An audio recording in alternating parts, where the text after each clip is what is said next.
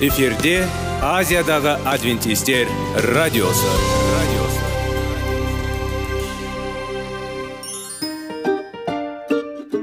сәлем достар. Денсаулық өмір бұлағы және біздің бірінші байлығымыз демекші денсаулық сағаты рубрикасына қош келдіңіздер. Біздің рубрикада біз әртүрлі факторларменен мәліметтерменен кеңестерменен бөлісіп шын жүректен сіздердің дендеріңіз сау болғанын қалаймыз. Сол үшін біздің рубрикаға қош келдіңіздер. Дайындалып тұрыңыздар. Өйткені келесі минуттарда қызықты фактілерге ие боласыздар. Енді достар ең бірінші байлығымызды қолымызға алып алға кеттік.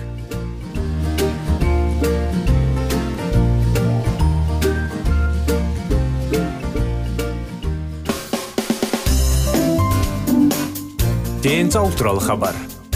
Денсаулықтың ашылуы.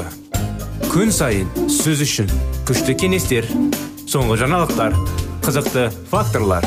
Біздің рубрикада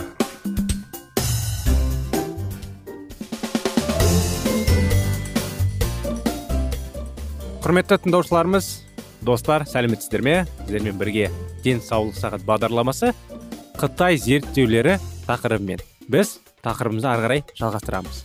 Адамдарды зерттеу ең алдымен афлатоксиннің филиппиндегі бауыр қатерлі ісігі ауруына әсері туралы. Ол алдыңғы тарауда қысқаша сипатталған. Үш жылға созылды. Кейіннен ол қытайда әлде қайда күрделі зерттеу барысында жалғасты. Бұл төртінші тарауда талқыланады. Ақауыздың ісіктердің дамуына әсерін терең зерттеу қажет болды. Әйтпесе бұл ешкімді әсіресе менің әріптестерімді сендірмес еді. Олар менің қосымша зерттеу сұрауымды қарастырады. Ретроспективада біз сәттілікке жеткенімізді мойындауға болады. Ұлттық денсаулық сақтау институттарының осы зерттеуді қаржыландыру келесі 19 жыл бойы жалғасып басқа ғылыми зерттеу ұйымдастарының қосымша қаражатын артуға көмектеседі. Осы жоба барысында жануарларға жүргізілген тәжірибелердің нәтижесінде алынған қорытындылар кейбір авторлық журналдарда жарияланған. Жүзден астам ғылыми жұмыстардың көптеген көпшілік алдында сөйлеген сөздердің негізін қалады. Сонымен қатар сараптамалық кеңестердің жұмысына қатысуға шығарды. Жануарлар құқығы. Бұл кітапта жануарларға атап айтқанда кеміргештерге егей құйрықтар мен тыныштықтарға эксперименттік зерттеулер туралы айтылады. Көптеген адамдар зерттеулерде тәжірибелік жануарларды қолдануға қарсы екенін жақсы білемін. Мен бұл аттаушыларды түсінемін. Алайда сіздің көз қарастарыңызға құрметпен қарап мен сізге келесі ойды ескеруді ұсынамын егер маған жануарлардың сипатталған тәжірибелі болмаса мен бүгін өсімдік негіздегі тамақтануға ауысуды жақтамайтын шығармын.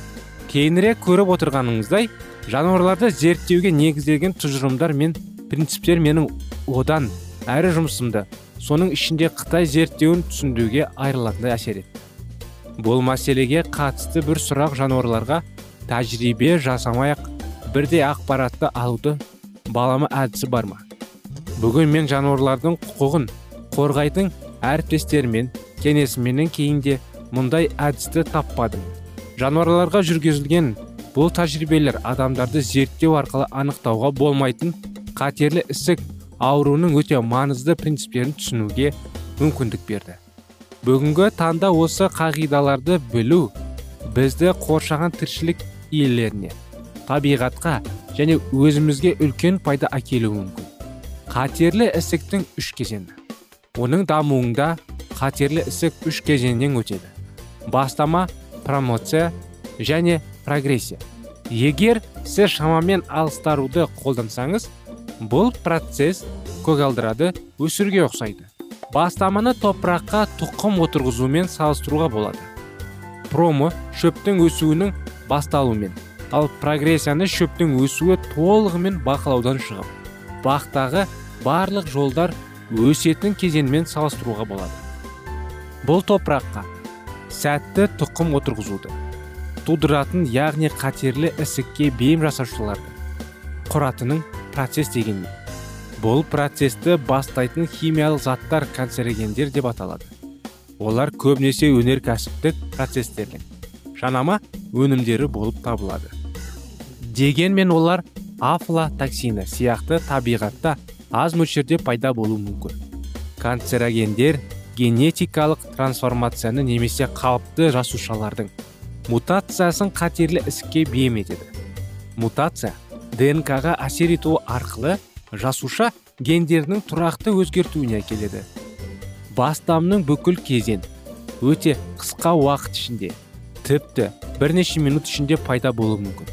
Бұл химиялық канцерогенді сіңіруге оның қанға сіңуіне жасушаларға тасымалдануына белсенді зат күйіне өтуіне днк-ға қосылуға және аналық жасушаларға берілуге кететін уақыт. Жаңа аналық жасушалар пайда болған кезде процесс аяқталады. Генетикалық құрылымы еншілес. Жасушалар мен жасушалар олар кейіннен құрылады оның ішінде болады. Мәңгі бақи зақымдалған өткен жыл мен жылдан обырының даму қаупі. Сирек жағдайларды қоспағанда басталу кезеңі аяқталғаннан кейін қайтамыссыз болып саналады. Біздің көгалдарға ұқсағанымыздың оны кезеңінде шөп тұқымдары топыраққа себіліп өніп шығуға дайын болды. Бастама аяқталды. Өсудің екінші кезеңі промоция деп аталады. Шөп өсінділерін беруге және жасыл көгалдарға айналуға дайын тұқымдар сияқты. Қатерлі ісікке бейім жаңадан пайда болған жасушалар көзге көрінетін қатерлі ісікке айналғанға дейін өсіп көбеюге дайын. Бұл кезең бастамаға қарағанда әлде қайда ұзақ уақытқа созылады. Адамдарда ол көбінесе бірнеше жылға созылады. Осы кезеңде жаңадан пайда болған жасушалар тобы көбейіп клиникалық көрінетін ісік шоғырланға дейін көбірек болады. Алайда топыраққа себілген тұқымдар сияқты пайда болған рак клеткалары егер бұл үшін қажетті жағдайлар болмаса өсіп көбейе бастайды. Мысалы топырақтағы тұқымдар толық көгалдарға айналмас бұрын судың күн сәулесінің және басқа да қоректік заттардың қажетті мөлшерін қажет етеді. Егер осы факторлардың бірі болмаса немесе жеткіліксіз болса тұқымдар өніп шықпайды. Өсіру басталғаннан кейін қажетті факторлардың бірі болмаған жағдайда жас өскіндері қажетті элементтермен одан әрі қамтамасыз етуді күтіп ұйықтап қалады. Бұл жарнамалық кезеңнің маңызды сипаттамаларының бірі. Промоция қайтымды бәрі рак клеткалардың өрте өсуіне қажетті жағдайлармен қамтамасыз етілуін байланысты. Бізбен болғандарыңызға рахмет достар. Бағдарламамыз осы нүктемен аяғына келді. Бірақ тақырыбымыз жалғасуда. Келесі бағдарламада жалғасы болады. Келесі бағдарламаға дейін сау болыңыздар.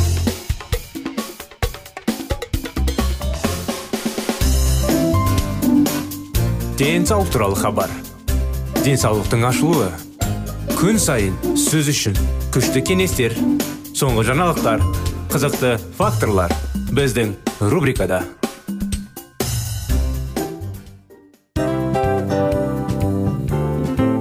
Әуелі байлық денсаулық екінші байлық он саулық үшінші байлық ақ жаулық ал енді осындай радио парақшадан кейін не дейміз? Барлықтарыңызға денсаулықтарыңыз зор болсын деп тілейміз. Денсаулықтың өзгеруі кішкентай нәрселерден басталады. Осымен біз берген кеңестер мен мәліметтер шын жүректен сіздер үшін қандай да бір болсын жәрдем берді деп үміттенеміз. Тыңдаушыларымызбен келесі радио парақшасына дейін қоштассамыз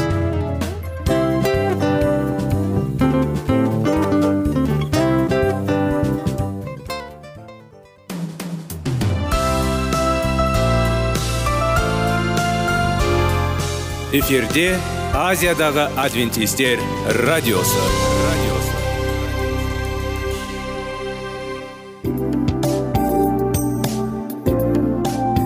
Сәлем достар. Барлықтарыңызға шын жүректен сөйлесек рубрикасына қош келдіңіздер деп айтпақшымыз.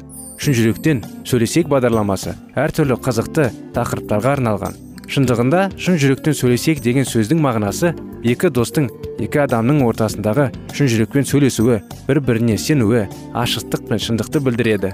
Сол үшін біздің бағдарламалар әртүрлі қызықты тақырыптарға арналған. Дайындалыңыз жаңа қызықты мәліметтерге ие болуға. Ондай болса кеттік.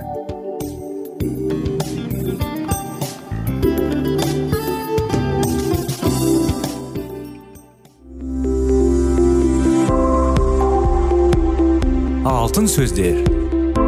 Сырласу қарым қатынас жайлы кеңестер мен қызықты тақырыптар. Шын жүректен сөйлесейік рубрикасында.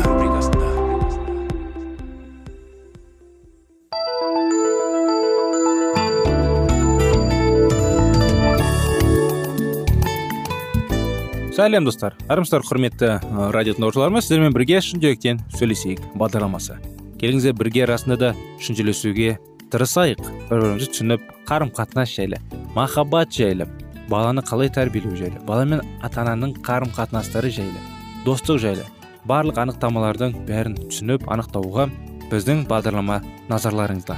Сондықтан ә, қазіргі күндерде сіздердің назарларыңызға 25 керемет оқиғаның тақырыптарын жалғастырудамыз. Біз тек қана құдайдың биігілігі бар деп сенеміз. Оның сөзі былай дейді. Сен өзің емес құдай некені жаратты құдайдың рухы оны тіпті ең кішкентай саласында қамтиды.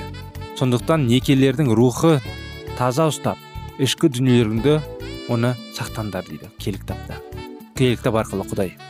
Осы аяттағы сөз өзін емес құдай некені жаратты дейді. Деген сөздерден күдіктенудің ешбір қажеті жоқ.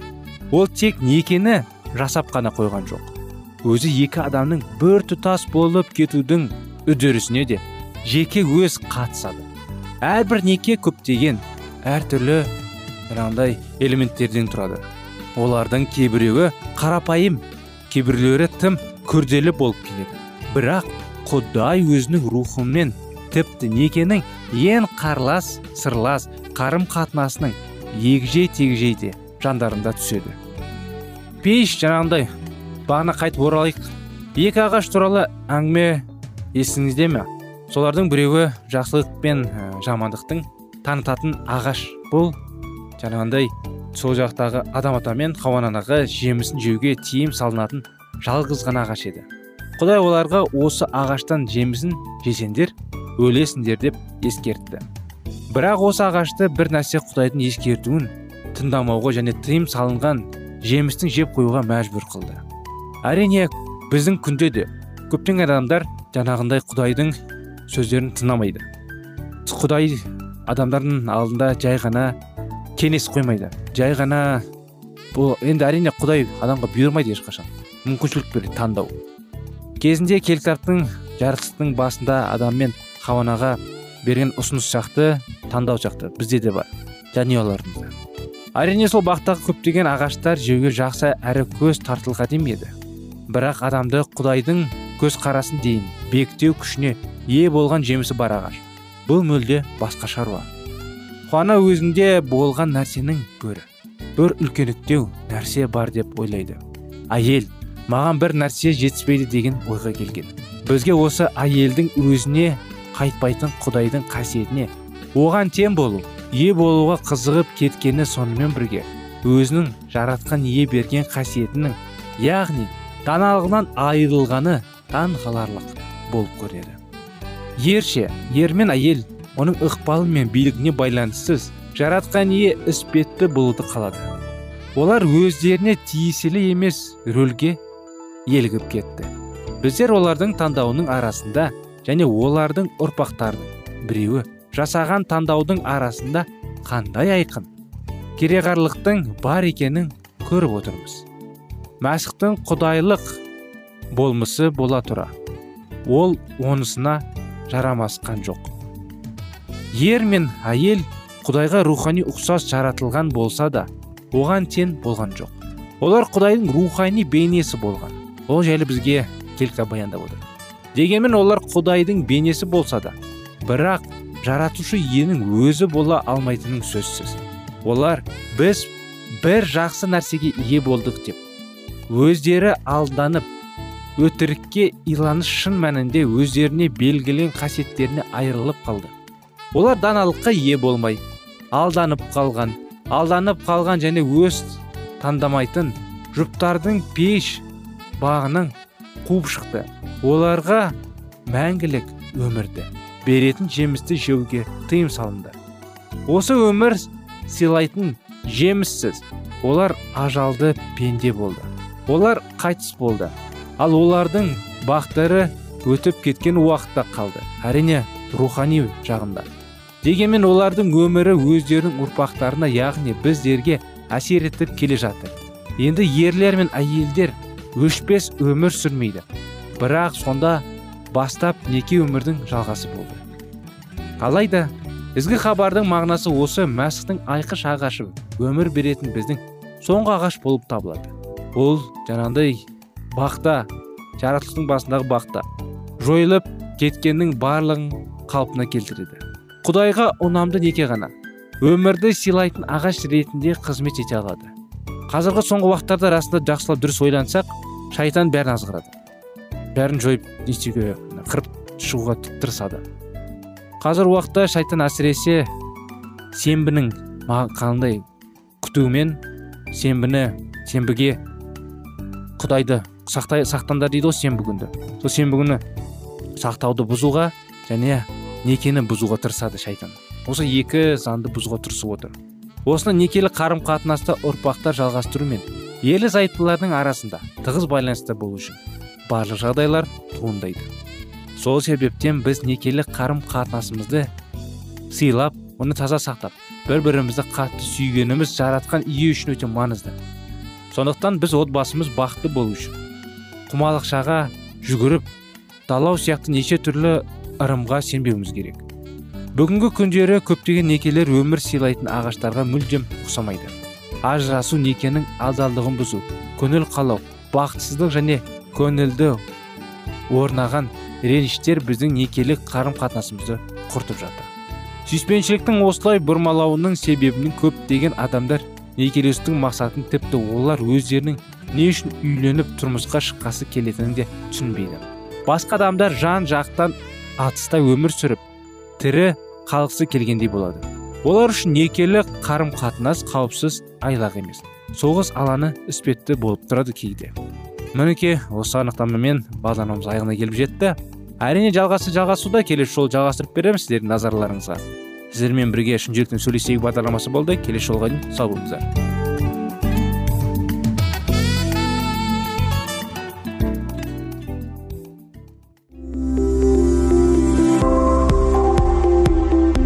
Алтын сөздер. Сырласу қарым қатынас жайлы кеңестер мен қызықты тақырыптар. Шын жүректен сөйлесейік рубрикасында.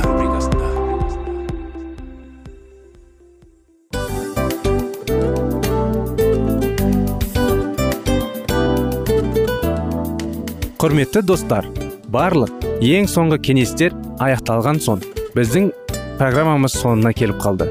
Осы біздің мәліметтер осы рубрикада айтылған әрбір сөздер сіздерге өзінің қандай да бір пайдасын алып келді деп шын жүректен сенеміз. Және бұдан да көптеген рубрикаларымыз бар. Басқа рубрикаларымызда біздің зерттеулерімізде сіздер үшін тағы да қызықты мәліметтер дайын. Біздің шын жүректен сөйлесейік парақшамызда көптеген әдістер ең соңғы кеңестер адамның нравственность жақтан моральдық жақтан тазалап байыта тұрған соңғы кеңестердің барлығын жанарады. сондықтан алдыңғы күндерде бізбен бірге болыңыздар. Өйткені барлық қызықтар алдыда. Бізбенен бірге болғандарыңызға үлкен рахмет. Келесі кездескенімізше сау сәлемет болыңыздар.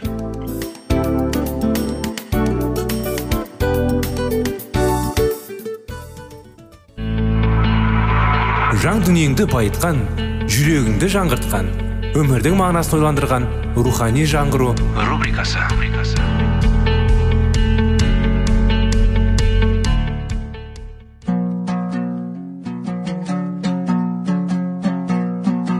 Ассалаумағалейкум. Біздің тыңдаушыларымыз келі кітаптың шындығын ашып берген қысқа бағдарламасына қош келдіңіздер. Барлығынан жоғары жаратушы біздің қарыңғылықта жалғыз қалдырып қойған емес. Өйткені ол келешекте не болу керек екенін киелі кітаптың парақтарында ашып береді. Немесе келіңіздер бізге қосылыңыздар. Жаратушы бізге нен ашып бергенін зерттейміз. Барлық жерлерде салмақтылық пен салтанаттылық байқалды. Меллер болса халықтың сезіміне емес ежелгі реформаторлар секілді олардың санасына әсер етуге тырысты. 1833 жылда миллер өзі соның мүшесі болып табылатын баптистер шіркеуінің атынан ашық түрде уағыз айтуға рұқсат қағаз алды. Сөйтіп ол өз ісін әрі қарай жалғастырды. Көбіне ол жаңа англия мен солтүстік шығыс штаттарына еңбектелінген кей кездері ол басқа да мемлекеттерге саяхатқа аттанып көп жерлерді ізгі хабарды уағыздады және жүрген жерлерінің бәрінде ол өз қаражатын жұмсады. Миллер үлкен жанұяның әкесі болатын және осы жанұяның еңбекқорлығы мен үнемшілдігінің арқасында барлығы фермадан түскен аздаған қаражатқа күн көрді. 1833 жылы келі кітапта айтылып кеткен аяндардың тағы да бірі орындалды. Иса мәсіх былай деген болатын аспаннан жұлдыздар жауды.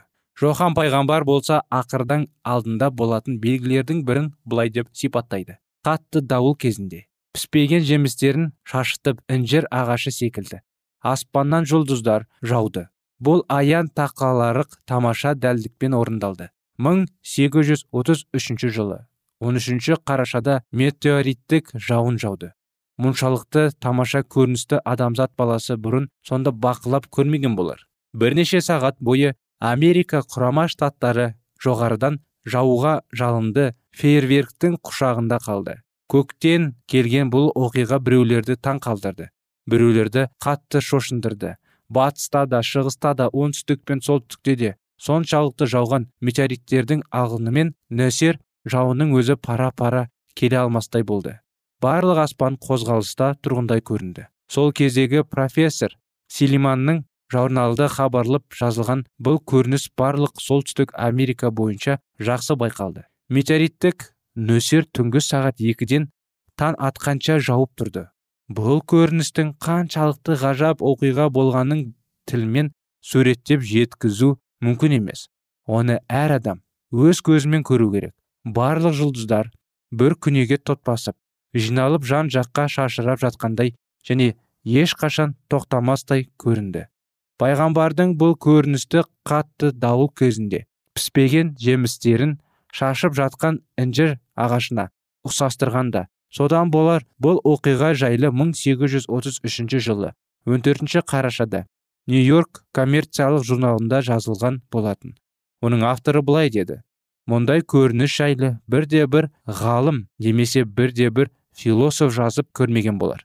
Қазіргі уақытта сол кезде болған оқиғаға анықтама беру қиынға соғар дегенмен 18 ғасыр бұрын пайғамбар айтып кеткен аян айтулы күні тамаша дәлдікпен орындалды. Бұл иса мәсіхтің жер бетіне 12 рет келерінің алдындағы болатын белгілерді бірі болатын және ол орындалды да мәсіх өз оқушыларына болады деген оқиғалардың орындалып жатқандарын көрген кездерінде уақытының аз қалғанын білетін болатындар деп ескерткен еді. Сонан соң жохан тағыда бір көріністі көрді. Аспан оралған қағаздай болып оралып қалды. Жер сілкініп таулар орнынан жылжыды. Құдайсыздар келе жатқан патшалардың патшасынан қорқып жасырынбақ болды. Осы оқиғадан кейін көпшілік бұл белгілерге ақар заманның ишраттарының бірі ретінде қарады. 1840 жылғы тағы да бір аян тура дәлдікпен орындалды. Бұл оқиға болмастан екі жыл бұрын исаның жер бетіне келетінін уағыздаушы мұғалімдердің бірі йосиф лич аяның тоғызыншы тарауында. Берілген ақиқаттың талқылап аттомандық империяның құлайтынын жариялады. Оның санауы бойынша бұл күн 1840 жылдың тамызында келіп тұрады және айтылған оқиғаның орындалуына бірнеше күн қалғанда. Ол былай деп жазды түріктердің рұқсаты бойынша диагзестің таққа тұруы 150 жыл болып саналатын периодтың соңына дәл келгендіктен және 391 жыл мен 15 күн бірінші периодтың соңында басталғандықтан. Олар 1840 жылдың 11 тамызында аяқталуға тиісті және осы кезде константинопольда аттомандық биліктің қалаулы күтіледі. Сол сияқты мұны кездейсойық оқиға деп санай салатынын да жақсы білемін. Айтулы уақытта түркия өз елшілері арқылы еуропаның біріккен державасының қамқорын қабылдап мәсіхші халықтың бақылауына түсіп оларға тәуелді болды. Барлық оқиғалар айтылған кездерде орындалды. Осыдан кейін көпшілік миллердің және оның пікірлестерінің аяндарына талқылау ұстанымдарын ақиқат екеніне өздерінің көздерін жеткізді. Содан кейін адвентистік қозғалыс табыстарға жете бастағанды. Ғылымдар мен әсері аумақты адамдар миллерге қосылды. Сонымен 1840 және 1844 жылдар аралығында олардың жұмыстары қарқынды түрде жүрді. Вильям миллер өте саналы азамзат болды оқып зерттеу арқылы жинаған даналығы алланың берген даналығымен біріккенде ол көктің даналығына да ие болды. Миллер өте таза әдепті әнегелі әділетті еді. Жүрген ортасында сый құрметке бөлінуге құралықта еді. Жүрегінің жұмсақтығының арқасында маңайына мейірімді болды. Ашулану ызалану сияқты мінездер оған жат көрінді. Киелі кітапты жақсы білгендікті оған кез келген жалған ілімді танып оны жеңуге көмектесті. Соған қарамастан ол қатыгездікпен жиі кездесіп жүрді. Ежелгі кездегі реформаторлардың уақытындағыдай сол заманның дін зерттеушілері оның көзқарасын қолдамды керісінше оған қарсы шықты. Бұл шала білімді мұғалімдер ақиқатты толық меңгергендіктен дағдырысқа ұшырап жатқандарына қарамастан өз дегендерін дәлелдеу үшін мәнсіз қалдағы жүгінді. Ал адвентистер болса киелі жазбаға сүйеніп дегендерін ақиқат екенін құдай сезіммен бекітіп отырды. Ақиқаттың қарсыластары толмай тұрған білімдерінің орны жанжалмен және масқыл сөзбен толтырды бұл үшін олар уақытын да ақшасын да айласын да аямай жұмсады. Олардың басты мақсаты таза өмір сүріп алланы қуанышпен қарсы алуға дайындалып және мәсіхтің келетінін жан жағдағыларға таратып жүрген адамдарды масқарлау болды. Олар мәсіхтің жер бетіне екінші рет келетіні туралы хабардың жұрттың көңілін басқа жаққа аудару үшін күлі жағдайда жасады.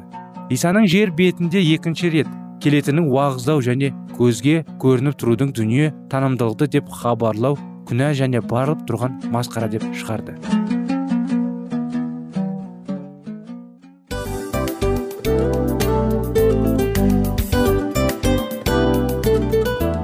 Мынау осы уақыт тез өтіп кетеді екен. Біздің бүгінгі рубрикалардың аяғына да келіп жеттік. Ақпаратымызды парақшамызды қазір ғана бастаған сияқты едік. Соңында да келіп қалдық. Уақыт деген тегі білінбей өтіп кетеді екен. Бүгінгі 24 сағаттың алтындай жарты сағатын бізге бөліп арнаған үшін рахмет. Егерде өткен сфераларда пайдалы кеңес алған болсаңыз біз өзіміздің мақсатқа жеткеніміз. Кеңестерді қолданам десеңіз өзгерістерді кішкентай қадамдардан бастап іске асыра беріңіздер де жасағандарыңыз үлкен үлкен жетістіктерге жете берсін. Шын жүректен әрбір берілген кеңестер сөздер сіздерге пайдасын әкеледі деп сенеміз. Сіздермен бірге кездесулерімізді сөзсіз түрде асыға күтеміз. Сәтті күн тілеп сіздер менің ұзаққа қоштаспай келесі кездескенімізше тек қана сау саламатты болыңыздар дейміз. Достар біздің бағдарлама бойынша сұрақтарыңыз болса әрине сіздерге керекті анықтама керек болса біздің whatsapp нөмірімізге хабарлассаңыздар болады. Плюс бір үш жүз бір жеті жүз алпыс алпыс жетпіс. Иә достар сіздер қателеспедіңіздер бұл біздің номерлерге ұқсас болмаса да бұл whatsapp номер арнайы. Хабарласыңыздар сұрақтарыңызды қойып тұрыңыздар. Анықтаманы алып тұрыңыздар. Плюс бір үш жүз бір жеті жүз алпыс алпыс жетпіс ватсап номері